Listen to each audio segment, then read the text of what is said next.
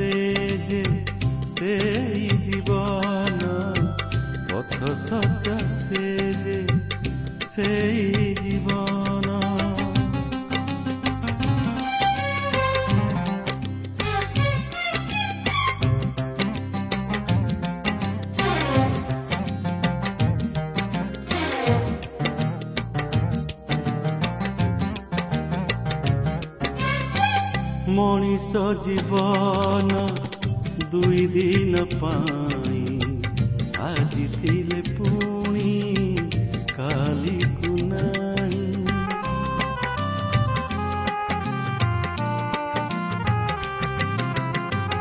ଆସିଛି ମୁଁ ଏକା ଚାଲିଯିବି ଏକା।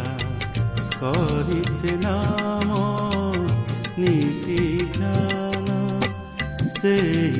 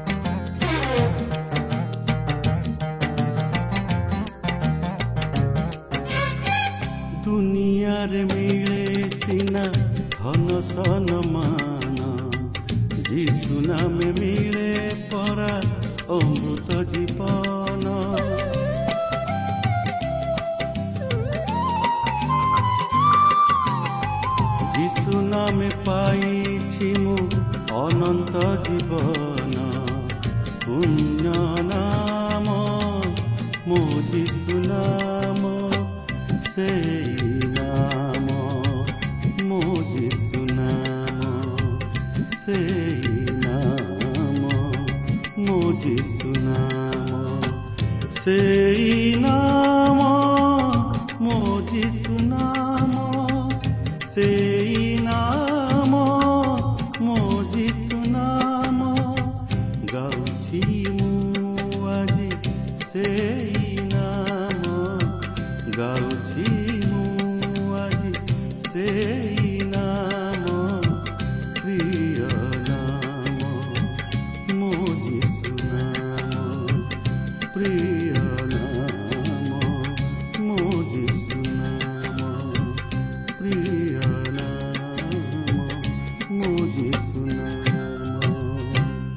ପ୍ରିୟ ଶ୍ରୋତାବନ୍ଧୁ ଏହି ଅବସରରେ ଆମର ପଥପ୍ରଦର୍ଶିକା ବେତାର ଅନୁଷ୍ଠାନ ପକ୍ଷରୁ ଆପଣଙ୍କୁ ହାର୍ଦ୍ଦିକ ଅଭିନନ୍ଦନ ଓ ପ୍ରୀତି ଶୁଭେଚ୍ଛା ଜ୍ଞାପନ କରୁଅଛୁ।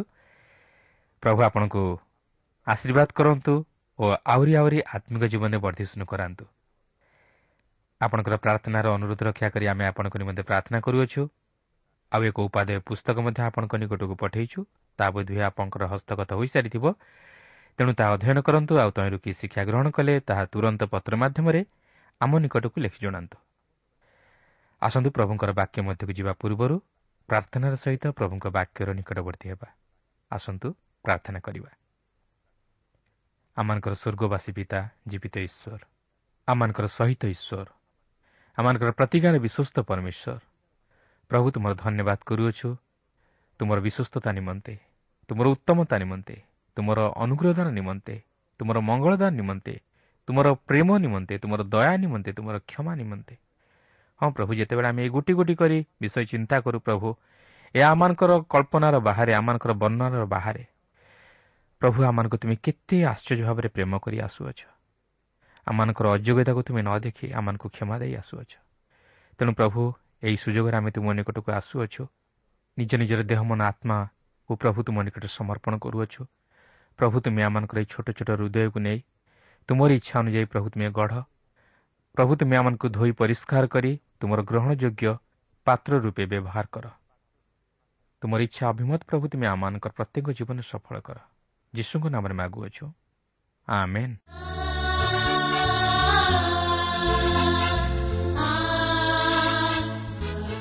ଆସନ୍ତୁ ବର୍ତ୍ତମାନ ଆମେ ପ୍ରଭୁଙ୍କର ବାକ୍ୟ ମଧ୍ୟକୁ ଯିବା। ଆଜି ଆମେ ଦ୍ୱିତୀୟ ବିବରଣ ଷୋହଳ ପର୍ବର ପାଞ୍ଚ ପଦରୁ ଆରମ୍ଭ କରି ସତର ପର୍ବର ସାତ ପଦ ପର୍ଯ୍ୟନ୍ତ ଅଧ୍ୟୟନ କରିବା ନିମନ୍ତେ ଯିବା। ଗତ ପାଠରେ ଆମେ ଦେଖିଥିଲୁ ଯେ ସୂଚି ଓ ଅସୁଚି ପଶୁ ମଧ୍ୟରେ ଭିନ୍ନତା ଓ ସେମାନଙ୍କୁ ଭୋଜନ କରିବା ନେଇ ଈଶ୍ୱର ବ୍ୟବସ୍ଥା ପ୍ରଦାନ କରିଥିଲେ ଏବଂ ତହିଁ ସଙ୍ଗେ ସଙ୍ଗେ ତାହାଙ୍କ ନିମନ୍ତେ ପବିତ୍ରତା ରକ୍ଷା କରିବା ନେଇ କେତେକ ବିଧି ଓ ବ୍ୟବସ୍ଥା ପ୍ରଦାନ କରିଥିଲେ। ଏହାପରେ ଏହି ଷୋହଳ ପର୍ବର ପାଞ୍ଚ ପଦରୁ ଆଠ ପଦ ମଧ୍ୟରେ ପାଠ କଲେ ଆମେ ଜାଣିବାକୁ ପାରିବା ଯେ ଏହି ନିସ୍ତାର ପର୍ବ ଏକ ନିର୍ଦ୍ଦିଷ୍ଟ ସ୍ଥାନରେ ପାଳିତ ହେବାକୁ ଥିଲା ଯାହାକି ଜିରୁସାଲମରେ ପାଳିତ ହେବାକୁ ଥିଲା। ଓ ଏହି ସମୟରେ ଇସ୍ରାଏଲ୍ର ପ୍ରତ୍ୟେକ ପୁରୁଷ ସେହି ଜିରୁସାଲମକୁ ଯାଇ ସେହି ପର୍ବ ପାଳନ କରିବାକୁ ଥିଲା। କାରଣ ଈଶ୍ୱର ତାହା ହିଁ ଚାହିଁଥିଲେ ଯେପରି ତାହାଙ୍କର ପବିତ୍ରତା ନଷ୍ଟ ନ ହୁଏ। କେବଳ ତାଙ୍କର ମନୋନୀତ ଜାତି ଇସ୍ରାଏଲ୍ ତାହାଙ୍କୁ ପାଶୋରି ଅନ୍ୟ ଦେବତାଗଣର ପଶ୍ଚାଦଗାମୀ ହୋଇ ସେମାନଙ୍କର ସେବା ନ କରନ୍ତି। ମାତ୍ର ଈଶ୍ୱରଙ୍କର ଦୟା ଓ ଅନୁଗ୍ରହକୁ ସ୍ମରଣ କରି ଓ ତାହାଙ୍କର ଉଦ୍ଧାରର କାର୍ଯ୍ୟକୁ ସ୍ମରଣ କରି ତାଙ୍କ ସହିତ ସହଭାଗିତା ସ୍ଥାପନ କରନ୍ତି। କିନ୍ତୁ ଆମେ ଯେପର୍ଯ୍ୟନ୍ତ ପାପକୁ ପରିତ୍ୟାଗ ନ କରିଛୁ ଓ ଉଦ୍ଧାର ନ ପାଇଛୁ ସେ ପର୍ଯ୍ୟନ୍ତ ଆମେ ସେହି ସହଭାଗିତା ଈଶ୍ୱରଙ୍କ ସହିତ ସ୍ଥାପନ କରିପାରିବା ନାହିଁ। କାରଣ ଆମମାନଙ୍କର ପାପ ଆଜି ଆମମାନଙ୍କୁ ଈଶ୍ୱରଙ୍କ ସହଭାଗିତାରୁ ବଞ୍ଚିତ କରିଅଛି। ତେଣୁ ଯଦି ପ୍ରକୃତରେ ଈଶ୍ୱରଙ୍କ ସହ ସହଭାଗିତା ସ୍ଥାପନ କରିବାକୁ ଚାହାନ୍ତି ତାହେଲେ ପାପରୁ ଫେରି ପ୍ରଭୁ ଯୀଶୁଖ୍ରୀଷ୍ଟଙ୍କର ନିକଟବର୍ତ୍ତୀ ହୁଅନ୍ତୁ। ଓ ତାହାଙ୍କଠାରେ ବିଶ୍ୱାସ କରନ୍ତୁ ତାହେଲେ ଆପଣ ସେହି ସହଭାଗିତା ଲାଭ କରିପାରିବେ। ଆସନ୍ତୁ ଏହାପରେ ପେଣ୍ଟିକଷ୍ଟ ପର୍ବ ସମ୍ପର୍କରେ କିଛି ଅଧ୍ୟୟନ କରି ଆଲୋଚନା କରିବାକୁ ଯିବା। ଦେଖନ୍ତୁ ଷୋହଳ ପର୍ବର ନଅ ପଦରୁ ଏଗାର ପଦ ମଧ୍ୟରେ ଏହିପରି ଲେଖା ଅଛି ତୁମ୍ଭେ ଆପଣା ପାଇଁ ସାତ ସପ୍ତାହ ଗଣନା କରିବ ତୁମ୍ଭେ କ୍ଷେତ୍ରସ୍ଥିତ ଶସ୍ୟରେ ଦା ଲଗାଇବାକୁ ଆରମ୍ଭ କରିବା ସମୟାବଧି ସାତ ସପ୍ତାହ ଗଣନା କରିବାକୁ ଆରମ୍ଭ କରିବ। ପୁଣି ସଦାପ୍ରଭୁ ତୁମ ପରମେଶ୍ୱରଙ୍କ ଆଶୀର୍ବାଦ ଅନୁସାରେ ତୁମେ ପ୍ରଚୁର ପରିମାଣରେ ଆପଣା ହସ୍ତର ସ୍ୱେଚ୍ଛାଦତ୍ତ ଉପହାର ଦେଇ ସଦାପ୍ରଭୁ ତୁମ ପରମେଶ୍ୱରଙ୍କ ଉଦ୍ଦେଶ୍ୟରେ ସପ୍ତାହ ସମୂହର ଉତ୍ସବ ପାଳନ କରିବ। ଆଉ ସଦାପ୍ରଭୁ ତୁମ ପରମେଶ୍ୱର ଆପଣା ନାମ ବାସ କରାଇବା ପାଇଁ ଯେଉଁ ସ୍ଥାନ ମନୋନୀତ କରିବେ ସେହି ସ୍ଥାନରେ ସଦାପ୍ରଭୁ ତୁମ ପରମେଶ୍ୱରଙ୍କ ସମ୍ମୁଖରେ ତୁମ୍ଭେ ଓ ତୁମ ପୁତ୍ର ଓ ତୁମ କନ୍ୟା ଓ ତୁମ ଦାସ ଓ ତୁମ ଦାସୀ ଓ ତୁମ ନଗର ଦ୍ୱାରବର୍ତ୍ତୀ ଲେବୀୟ ଲୋକ ଓ ତୁମ ମଧ୍ୟରେ ଥିବା ବିଦେଶୀୟ ଲୋକ ଓ ପିତୃହୀନ ଓ ବିଧବା ତୁମେ ସମସ୍ତେ ଆନନ୍ଦ କରିବ। ଏହି ଅଂଶରେ ଆପଣ ଲକ୍ଷ୍ୟ କରିବେ ସେହି ପେଣ୍ଟିକଷ୍ଟ ପର୍ବ ପାଳନ କରିବା ନେଇ ଈଶ୍ୱର ନିୟମ ପ୍ରଦାନ କରନ୍ତି। ତେବେ ଏହି ପେଣ୍ଟିକଷ୍ଟ ଶବ୍ଦର ଅର୍ଥ ହେଉଛି ପଞ୍ଚାଶତମ ଦିବସ। କାରଣ ଗ୍ରୀକ୍ ଭାଷାରେ ପଚାଶ ସଂଖ୍ୟାର ଅର୍ଥ ହେଉଛି ପେଣ୍ଟିକଷ୍ଟ। ଏହି ପର୍ବଟି ନିସ୍ତାର ପର୍ବ ପରେ ପରେ ପାଳିତ ହେଉଥିଲା। ଅର୍ଥାତ୍ ନିସ୍ତାର ପର୍ବ ସମ୍ପୂର୍ଣ୍ଣ ହେଲା ପରେ ସେହିଠାରୁ ଆଉ ସାତ ସପ୍ତାହ ହିସାବ କରାଯାଉଥିଲା ଯାହାକି ଅଣଚାଶ ଦିନ ହେଉଥିଲା ଓ ଏହାର ପରବର୍ତ୍ତୀ ଦିନ ଅର୍ଥାତ୍ ପଚାଶ ଦିନ ବିଶ୍ରାମ ବାର ହେଉଥିଲା। ଓ ଏହି ଦିନ ସେହି ପେଣ୍ଟିକଷ୍ଟ ପର୍ବ ପାଳିତ ହେଉଥିଲା। ଏହାକୁ ମଧ୍ୟ ଶସ୍ୟ ଅମଳର ଉତ୍ସବ ବା ପ୍ରଥମ ଫଳ ଉତ୍ସର୍ଗ ପର୍ବ ମଧ୍ୟ କୁହାଯାଏ। କିନ୍ତୁ ଆପଣ ଦେଖିବେ ଏହା ନୂତନ ନିୟମରେ ଏକ ଭିନ୍ନ ରୂପ ଧାରଣ କଲା। ନୂତନ ନିୟମରେ ଏହି ପେଣ୍ଟିକଷ୍ଟ ଦିନ ପବିତ୍ର ଆତ୍ମା ଅବତରଣ କଲେ। ଅର୍ଥାତ୍ ପ୍ରଭୁ ଯୀଶୁଙ୍କର ମୃତ୍ୟୁରୁ ପୁନରୁଦ୍ଧିତ ହେବାଠାରୁ ଯେଉଁଦିନ ପଞ୍ଚାଶ ଦିନ ସମ୍ପୂର୍ଣ୍ଣ ହୁଏ ସେହିଦିନ ତାଙ୍କର ଶିଷ୍ୟମାନେ ପବିତ୍ର ଆତ୍ମାଙ୍କ ଶକ୍ତିରେ ପରିପୂର୍ଣ୍ଣ ହେଲେ ଓ ସେହିଦିନ ମଧ୍ୟ ଖ୍ରୀଷ୍ଟୀୟ ମଣ୍ଡଳୀ ପ୍ରତିଷ୍ଠିତ ହୋଇଥିଲା। ତେଣୁ ନୂତନ ନିୟମରେ ଏହି ପେଣ୍ଟିକଷ୍ଟ ଦିନର ମହତ୍ତ୍ୱ ଅତ୍ୟନ୍ତ ଗୁରୁତ୍ୱପୂର୍ଣ୍ଣ ଅଟେ। ତେଣୁ ପ୍ରିୟ ବନ୍ଧୁ ପୁରାତନ ନିୟମରେ ଯେଉଁ ପେଟିକଷ୍ଟ ପର୍ବ ପାଳିତ ହେଉଥିଲା ଏହା ପ୍ରଭୁ ଯୀଶୁଖ୍ରୀଷ୍ଟଙ୍କ ପ୍ରତି ଅଙ୍ଗୁଳି ନିର୍ଦ୍ଦେଶ କରୁଥିଲା ଯେ କି କେବଳ ମୃତ୍ୟୁବରଣ କଲେ ନାହିଁ ମାତ୍ର ମୃତ୍ୟୁରୁ ମଧ୍ୟ ପୁନରୁଦ୍ଧିତ ହୋଇ ମୃତମାନଙ୍କ ମଧ୍ୟରୁ ପ୍ରଥମ ଜାତ ସ୍ୱରୂପେ ଗଣିତ ହେଲେ। ପ୍ରିୟ ବନ୍ଧୁ ସେହି ପ୍ରଭୁ ଯୀଶୁଖ୍ରୀଷ୍ଟ ଆଜି ମଧ୍ୟ ତାହାଙ୍କର ସେହି ପବିତ୍ର ଆତ୍ମାଙ୍କ ଦ୍ୱାରା ଆମମାନଙ୍କ ହୃଦୟରେ କଥା କୁହନ୍ତି ଓ ତାହାଙ୍କର କାର୍ଯ୍ୟ ସାଧନ କରନ୍ତି। ତେଣୁ ସେହି ପ୍ରଭୁ ଯୀଶୁଖ୍ରୀଷ୍ଟଙ୍କଠାରେ ବିଶ୍ୱାସ କରି ଯଦି ତାହାଙ୍କୁ ହୃଦୟ ମଧ୍ୟରେ ଗ୍ରହଣ କରନ୍ତି ତାହେଲେ ସେ ଆପଣଙ୍କ ହୃଦୟରେ ତାହାଙ୍କର ସେହି ପବିତ୍ର ଆତ୍ମାଙ୍କ ଦ୍ୱାରା କଥା କହିବେ ଓ ସେ ଆପଣଙ୍କ ହୃଦୟରେ ତାହାଙ୍କର କାର୍ଯ୍ୟ ସାଧନ କରିବେ ଯଦ୍ୱାରା ଆପଣଙ୍କ ଜୀବନ ଦ୍ୱାରା ତାହାଙ୍କର ଇଚ୍ଛା ଓ ଅଭିମତ ସଫଳ ହୋଇପାରିବ। ପ୍ରିୟ ବନ୍ଧୁ ସେଦିନ ଇସ୍ରାଏଲ୍ ଲୋକମାନଙ୍କୁ ଈଶ୍ୱର ପେଣ୍ଟିକଷ୍ଟ ପର୍ବ ପାଳନ କରିବା ନିମନ୍ତେ କହିଥିଲେ। ଯେପରି ସେମାନେ ଈଶ୍ୱରଙ୍କ ସମସ୍ତ ମଙ୍ଗଳଦାନକୁ ସ୍ମରଣ କରି ତାହାଙ୍କର ଧନ୍ୟବାଦ କରନ୍ତି ଓ ସେମାନଙ୍କ ସମସ୍ତ ଫସଲର ପ୍ରଥମ ଫଳରେ ତାହାଙ୍କର ସମାଦର କରନ୍ତି ଓ ସେହି ସମସ୍ତ ପ୍ରଥମ ଫଳ ଉତ୍ସର୍ଗ କରନ୍ତି।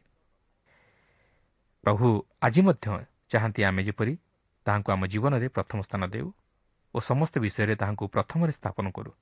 ତେଣୁକରି ଆପଣ ଦେଖିବେ ନୂତନ ନିୟମରେ ଏହି ପେଣ୍ଟିକଷ୍ଟ ଦିନ ପବିତ୍ର ଆତ୍ମା ଅବତରଣ କଲେ ଓ ଏହି ଦିନ ଖ୍ରୀଷ୍ଟୀୟ ମଣ୍ଡଳୀ ଜନ୍ମଲାଭ କରିଥିଲା।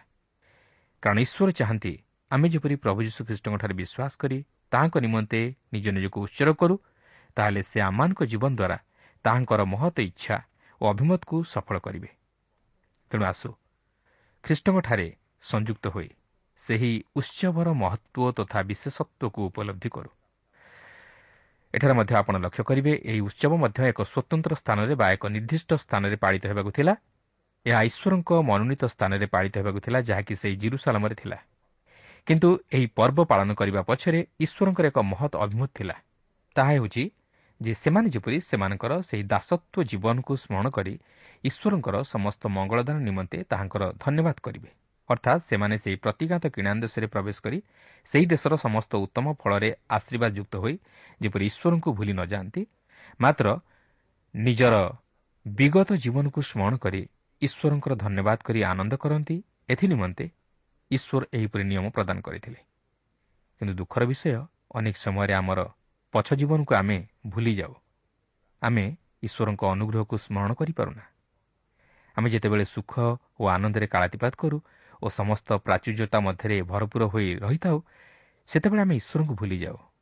ମାତ୍ର ଈଶ୍ୱର ଚାହାନ୍ତି ଯେ ଆମେ ଯେପରି କେବଳ ଦୁଃଖରେ ନୁହେଁ ମାତ୍ର ସୁଖରେ ମଧ୍ୟ ତାହାଙ୍କୁ ସ୍ମରଣ କରି ନିଜର ପଛ ଜୀବନକୁ ମନେ ପକାଉ ଆଉ ତାହାଙ୍କର ସମସ୍ତ ମଙ୍ଗଳଦାନକୁ ସ୍ମରଣ କରି ଧନ୍ୟବାଦ କରୁ ଓ ତାହାଙ୍କ ନିକଟରେ ନିଜକୁ ଉତ୍ସର୍ଗ କରୁ।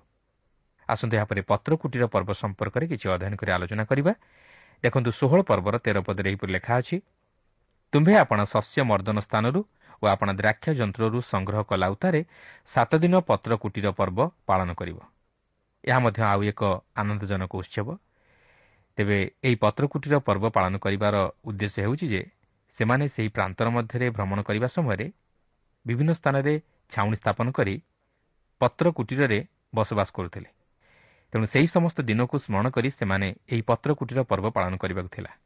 କିନ୍ତୁ ଆପଣ ଏହି ଷୋହଳ ପର୍ବର ଚଉଦରୁ ସତର ପଦ ମଧ୍ୟରେ ପାଠ କଲେ ଜାଣିପାରିବେ ଯେ ଏହି ପର୍ବ ସାତ ଦିନ ଧରି ପାଳିତ ହେବାକୁ ଥିଲା ଓ ଏହା ଈଶ୍ୱରଙ୍କର ସେହି ମନୋନୀତ ସ୍ଥାନ ଜିରୁସାଲମରେ ପାଳିତ ହେବାକୁ ଥିଲା। ଓ ଏହି ପର୍ବକୁ ସେମାନେ ଆନନ୍ଦର ସହିତ ପାଳନ କରିବାକୁ ଥିଲା।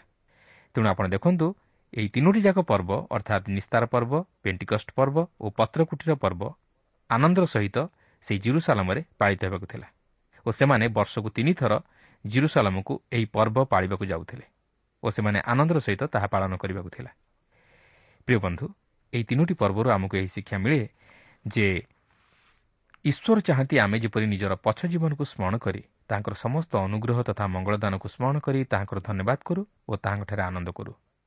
ସେଦିନ ସେ ଯେପରି ଇସ୍ରାଏଲ୍ ସନ୍ତାନଗଣକୁ ସେମାନଙ୍କର ବିଗତ ଦିନର ଅନୁଭୂତିକୁ ସ୍ମରଣ କରି ଆଗାମୀ ଦିନର ସମସ୍ତ ଆଶୀର୍ବାଦ ତଥା ମଙ୍ଗଳଦାନ ନିମନ୍ତେ ତାଙ୍କର ଧନ୍ୟବାଦ ଓ ପ୍ରଶଂସା କରିବା ନିମନ୍ତେ ଏହି ପର୍ବ ପାଳନ କରିବାକୁ ଆଜ୍ଞା କରିଥିଲେ ଆଜି ମଧ୍ୟ ସେ ଆମମାନଙ୍କର ବିଗତ ଦିନର ସମସ୍ତ ଅନୁଭୂତିକୁ ସ୍ମରଣ କରି ସମ୍ମୁଖରେ ରହିଥିବା ସମସ୍ତ ଅନୁଗ୍ରହ ତଥା ମଙ୍ଗଳଦାନ ନିମନ୍ତେ ତାଙ୍କର ଧନ୍ୟବାଦ କରିବାକୁ କହନ୍ତି।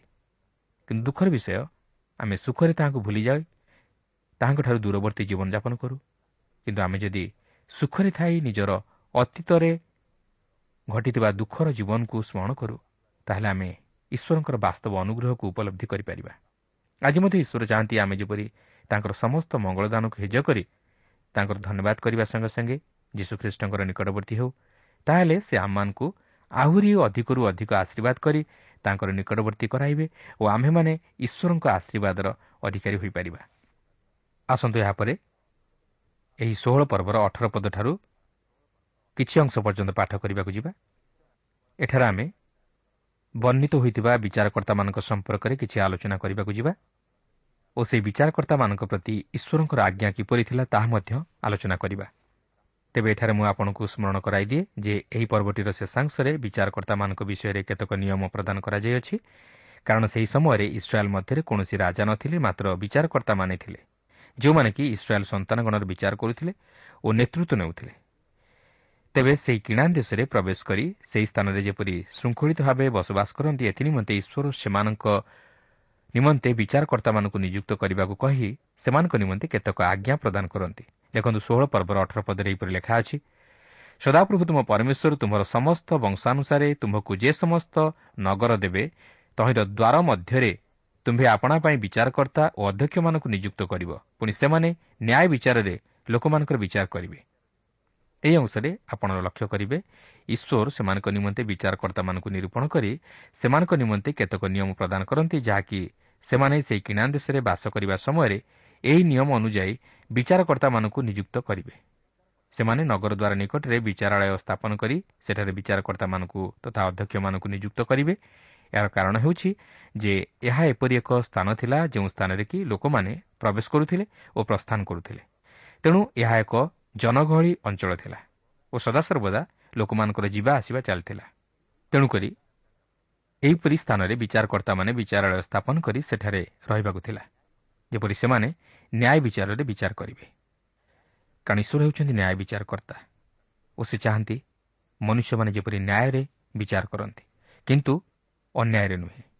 ସେଥିପାଇଁ ଉଣେଇଶ ଓ କୋଡ଼ିଏ ପଦରେ ଈଶ୍ୱର ଏହିପରି ନିୟମ ପ୍ରଦାନ କରିବାର ଆପଣ ଦେଖିବାକୁ ପାରିବେ। ତୁମ୍ଭେ ଅନ୍ୟାୟ ବିଚାର କରିବ ନାହିଁ ତୁମେ ମନୁଷ୍ୟର ମୁଖାପେକ୍ଷା କରିବ ନାହିଁ କିମ୍ବା ତୁମ୍ଭେ ଲାଞ୍ଚ ନେବ ନାହିଁ। କାରଣ ଲାଞ୍ଚ ଜ୍ଞାନୀମାନଙ୍କର ଚକ୍ଷୁ ଅନ୍ଧ କରେ ଓ ଧାର୍ମିକମାନଙ୍କ ବାକ୍ୟ ଅନ୍ୟଥା କରେ। ଯାହା ସର୍ବତ ଭାବେ ଯଥାର୍ଥ ତୁମ୍ଭେ ତହିଁର ଅନୁଗାମୀ ହୁଅ ତହିଁରେ ତୁମେ ବଞ୍ଚିବ ଓ ସଦାପ୍ରଭୁ ତୁମ ପରମେଶ୍ୱର ଯେଉଁ ଦେଶ ଦିଅନ୍ତି ତାହା ଅଧିକାର କରିବ।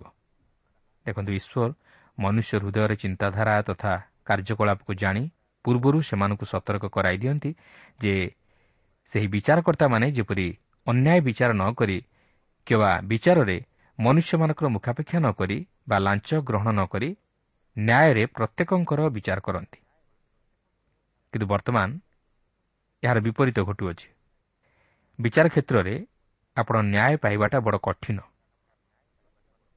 କାରଣ ପ୍ରତ୍ୟେକ କ୍ଷେତ୍ରରେ ଆପଣ ଦେଖିବେ ମୁହଁ ଦେଖାଦେଖି କାରବାର ଓ ଲାଞ୍ଚ ଦେବା ତଥା ନେବା ଚାଲୁ ରହିଅଛି ବିଚାର କ୍ଷେତ୍ରରେ ଅନ୍ୟାୟ ତଥା ମୁଖାପେକ୍ଷା ଓ ଲାଞ୍ଚ ନେବା ମଧ୍ୟ ଦେଖାଯାଉଅଛି କିନ୍ତୁ ଈଶ୍ୱର ଏହାର ବିରୋଧ କରନ୍ତି ସେ ଚାହାନ୍ତି ନାହିଁ ମନୁଷ୍ୟ ବିଚାରରେ ଏହିପରି ଅନ୍ୟାୟ କରନ୍ତୁ ବୋଲି। କିନ୍ତୁ ଆଜି ମନୁଷ୍ୟ ଲାଞ୍ଚ ନେଇ ବିଚାର ବିପରୀତ କରେ। ସେ ମନୁଷ୍ୟର ମୁଖାପେକ୍ଷା କରି ନିର୍ଦ୍ଦୋଷୀକୁ ଦୋଷୀ ସାବ୍ୟସ୍ତ କରେ। ଆଜି ଏହି ଜଗତରେ ପ୍ରତ୍ୟେକଟି କ୍ଷେତ୍ରରେ ଆପଣ ଦେଖିବେ ଲାଞ୍ଚ ନେବା ଏକ ସାଧାରଣ କଥା। ପ୍ରତ୍ୟେକଟି କ୍ଷେତ୍ରରେ ଅନ୍ୟାୟ ଓ ଅଧର୍ମ ଚାଲିଛି। ବିଚାର କ୍ଷେତ୍ରରେ ଅନେକ କୋହଳତା ଦେଖାଯାଉଛି। ତେଣୁକରି ଆପଣ ଦେଖିବେ ଅନ୍ୟାୟ ଓ ଅଧର୍ମ ବେଳକୁ ବେଳ ବଢ଼ିବାରେ ଲାଗିଛି। ଲୋକେ ନ୍ୟାୟ ପାଇବାରୁ ବଞ୍ଚିତ ହେଉଛନ୍ତି। କିନ୍ତୁ ଈଶ୍ୱର ଏହି ପ୍ରକାର ବିଚାରକର୍ତ୍ତାମାନଙ୍କୁ ନିଶ୍ଚୟ ଦଣ୍ଡ ଦେବେ। କାରଣ ଈଶ୍ୱର ବିଚାରରେ କାହାର ମୁଖାପେକ୍ଷା କରନ୍ତି ନାହିଁ କି ଅନ୍ୟାୟ କରନ୍ତି ନାହିଁ। ପ୍ରିୟ ବନ୍ଧୁ ଈଶ୍ୱର ଆଜି ଯଦି ଆପଣଙ୍କୁ ଏହିପରି ଦାୟିତ୍ୱରେ ରଖିଛନ୍ତି ତାହେଲେ ବିଚାରରେ କେବେ ହେଲେ ଅନ୍ୟାୟ କରନ୍ତୁ ନାହିଁ କି ଲାଞ୍ଚ ନେଇ ମୁଖାପେକ୍ଷା କରନ୍ତୁ ନାହିଁ। କାରଣ ଏହା କରିବା ଦ୍ୱାରା ଆପଣ ଈଶ୍ୱରଙ୍କ ଆଜ୍ଞା ବିରୁଦ୍ଧରେ ଯାଇ ପାପ କରୁଅଛନ୍ତି ଓ ଏହାର ପରିଣାମ ଅତି ଭୟଙ୍କର। ହୋଇପାରେ ବର୍ତ୍ତମାନ ନ ଘଟିଲେ ମଧ୍ୟ ଭବିଷ୍ୟତରେ ଘଟିପାରେ। କିମ୍ବା ନିଜର ସନ୍ତାନ ସନ୍ତତିମାନଙ୍କ ଉପରେ ତହିଁର ପ୍ରତିଫଳ ବର୍ତ୍ତିପାରେ। ତେଣୁ ମୋର ଅନୁରୋଧ ଆପଣ ବିଚାରରେ ଅନ୍ୟାୟ କରନ୍ତୁ ନାହିଁ କିଏ ବା ଲାଞ୍ଚ ନେଇ ମନୁଷ୍ୟର ମୁଖାପେକ୍ଷା କରି ବିଚାର ବିପରୀତ କରନ୍ତୁ ନାହିଁ। କାରଣ ଲାଞ୍ଚ ଜ୍ଞାନୀମାନଙ୍କର ଚକ୍ଷୁ ଅନ୍ଧ କରେ ଓ ଧାର୍ମିକମାନଙ୍କ ବାକ୍ୟ ଅନ୍ୟଥା କରେ। ତେଣୁ ଯଦି ଆଶୀର୍ବାଦର ଅଧିକାରୀ ହେବାକୁ ଚାହାନ୍ତି ତାହେଲେ ଈଶ୍ୱରଙ୍କର ଆଜ୍ଞା ଅନୁଯାୟୀ ଜୀବନଯାପନ କରନ୍ତୁ। ତାହାପରେ ଏହି ଷୋହଳ ପର୍ବରେ ଏକୋଇଶ ଓ ବାଇଶ ପଦରେ ସେହି ବିଚାରକର୍ତ୍ତାମାନଙ୍କ ନିମନ୍ତେ ଆଉ କେତେକ ନିୟମ ପ୍ରଦାନ କରାଯାଇଅଛି। ଦେଖନ୍ତୁ ଏଠାରେ ଏହିପରି ଲେଖା ଅଛି ସଦାପ୍ରଭୁ ତୁମ ପରମେଶ୍ୱରଙ୍କ ଉଦ୍ଦେଶ୍ୟରେ ତୁମ୍ଭେ ଯେଉଁ ଯଜ୍ଞବେଦୀ ନିର୍ମାଣ କରିବ ତହିଁ ନିକଟରେ ଆଶେରାର ମୂର୍ତ୍ତି ବୋଲି କୌଣସି ପ୍ରକାର କାଷ୍ଠ ସ୍ଥାପନ କରିବ ନାହିଁ। କିମ୍ବା ତୁମ୍ଭେ ଆପଣା ପାଇଁ କୌଣସି ସ୍ତମ୍ଭ ଉତ୍ଥାପନ କରିବ ନାହିଁ ଏହା ସଦାପ୍ରଭୁ ତୁମ ପରମେଶ୍ୱର ଘୃଣା କରନ୍ତି। ଏହି ଅଂଶରେ ଆପଣ ଦେଖିବେ ଈଶ୍ୱର ମୂର୍ତ୍ତି ପୂଜା ନେଇ ବାରଣ କରନ୍ତି। ତାଙ୍କର ପବିତ୍ର ଉପସ୍ଥିତି ମଧ୍ୟରେ କୌଣସି ଅପବିତ୍ର ବିଷୟ ସ୍ଥାନ ପାଏ ନାହିଁ। ସେ ଚାହାନ୍ତି ନାହିଁ ତାଙ୍କର ମନୋନୀତ ଜାତି ଇସ୍ରାଏଲ୍ ପ୍ରତିମା ପୂଜାରେ ଆସକ୍ତ ହୁଅନ୍ତୁ ବୋଲି। ମାତ୍ର ସେ ଚାହାନ୍ତି ତାଙ୍କର ଲୋକମାନେ ଯେପରି ତାହାଙ୍କୁ ପବିତ୍ର ରୂପେ ମାନ୍ୟ କରନ୍ତି। ଆପଣ ଦେଖନ୍ତୁ ତାହା ଯେପରି ନ ଘଟେ ଏଥିନିମନ୍ତେ ଈଶ୍ୱର ବାରମ୍ବାର ସେମାନଙ୍କୁ ଚେତାଇ ଦିଅନ୍ତି। ପ୍ରିୟ ବନ୍ଧୁ ଆଜି ମଧ୍ୟ ଈଶ୍ୱର ଏହି ବାକ୍ୟ ଦ୍ୱାରା ଆମମାନଙ୍କୁ ସତର୍କ କରାଇ ଦିଅନ୍ତି ଯେ ଆମେ ଯେପରି ପ୍ରତିମା ପୂଜାରେ ଆସକ୍ତ ନ ହେଉ। କିନ୍ତୁ ଏହି ସମସ୍ତ ଜାଣି ଶୁଣି ଆମେ ଯଦି ଈଶ୍ୱରଙ୍କ ଆଜ୍ଞା ବିରୁଦ୍ଧ କାର୍ଯ୍ୟ କରୁ ତାହେଲେ ସମୟ ଆସିବ ସେ ଆମମାନଙ୍କୁ ତାହାଙ୍କର ସେହି ମହାବିଚାରରେ ବିଚାରିତ କରି ସେ ଅନନ୍ତ ନରକରେ ନେଇ ନିକ୍ଷେପ କରିବେ। ତେଣୁ ଆମେ ଏହି ସମସ୍ତ ବିଷୟକୁ ଏକ ସାଧାରଣ ବିଷୟ ମନେକରି ତାହା ପାଳନ କରିବା ନିମନ୍ତେ ହେଳା ନ କରୁ। ତେବେ ଏହିଠାରେ ଆମେ ଷୋହଳ ପର୍ବଟି ଅଧ୍ୟୟନ କରି ସମାପ୍ତ କଲେ ଏହାପରେ ଆମେ ସତର ପର୍ବଟିକୁ ଅଧ୍ୟୟନ କରିବା ନିମନ୍ତେ ଯିବା। ତେବେ ଏହି ସତର ପର୍ବରେ ଆମେ ପ୍ରତିମା ପୂଜା ନେଇ ଏବଂ ଶାସକ ମଣ୍ଡଳୀର ନିୟମକୁ ଅମାନ୍ୟ କରିବା ନେଇ ମୃତ୍ୟୁଦଣ୍ଡ ଦିଆଯିବାର ବିଷୟକୁ ଲକ୍ଷ୍ୟ କରିବା ଓ ରାଜାମାନଙ୍କ ସମ୍ପର୍କରେ କେତେକ ବ୍ୟବସ୍ଥା ଦିଆଯିବାର ଆମେ ଲକ୍ଷ୍ୟ କରିବା। ବିଶେଷ କରି ଏହି ସତର ଅଠର ପର୍ବରେ ଆମେ ରାଜା ଯାଜକ ଓ ଭାଓବାଦୀଙ୍କ ସମ୍ପର୍କରେ କେତେକ ନିୟମ ଦିଆଯାଇଥିବାର ଲକ୍ଷ୍ୟ କରିବା। ଇସ୍ରାଏଲ୍ ଜାତି ମଧ୍ୟରେ ଏହି ତିନୋଟି ପଦାଧିକାରୀମାନଙ୍କ ନିମନ୍ତେ ଈଶ୍ୱର କେତେକ ନୀତି ନିୟମ ପ୍ରଦାନ କରିଥିଲେ। ଆସନ୍ତୁ ସେହି ସମସ୍ତ ବିଷୟ ନେଇ କିଛି ଆଲୋଚନା କରିବା। ଦେଖନ୍ତୁ ସତର ପର୍ବର ପ୍ରଥମ ପଦରେ ଲେଖା ଅଛି ସଦାପ୍ରଭୁ ତୁମ ପରମେଶ୍ୱରଙ୍କ ଉଦ୍ଦେଶ୍ୟରେ ତୁମେ କୌଣସି ପ୍ରକାର ଖୁନ୍ତ କି ମନ୍ଦତା ବିଶିଷ୍ଟ ଗୋରୁ କି ମେଷ ବଳିଦାନ କରିବ ନାହିଁ କାରଣ ତାହା ସଦାପ୍ରଭୁ ତୁମ ପରମେଶ୍ୱରଙ୍କ ନିକଟରେ ଘୃଣିତ ବସ୍ତୁ। ଏହି ଅଂଶରେ ଆପଣ ଦେଖିବେ ଯେ ଈଶ୍ୱର ଇସ୍ରାଏଲ୍ ସନ୍ତାନଗଣଠାରୁ ନିଖୁନ୍ତ ପଶୁର ବଳିଦାନ ଚାହିଁଥିଲେ। କାରଣ ଈଶ୍ୱର ପ୍ରତ୍ୟେକ ପ୍ରାଣୀର ପ୍ରଥମଜାତ ସନ୍ତାନକୁ ଚାହିଁଥିଲେ ଓ ପ୍ରତ୍ୟେକ ବଳିଦାନ ନିଖୁନ୍ତ ଓ ଦୋଷରହିତ ହେବାକୁ ଥିଲା।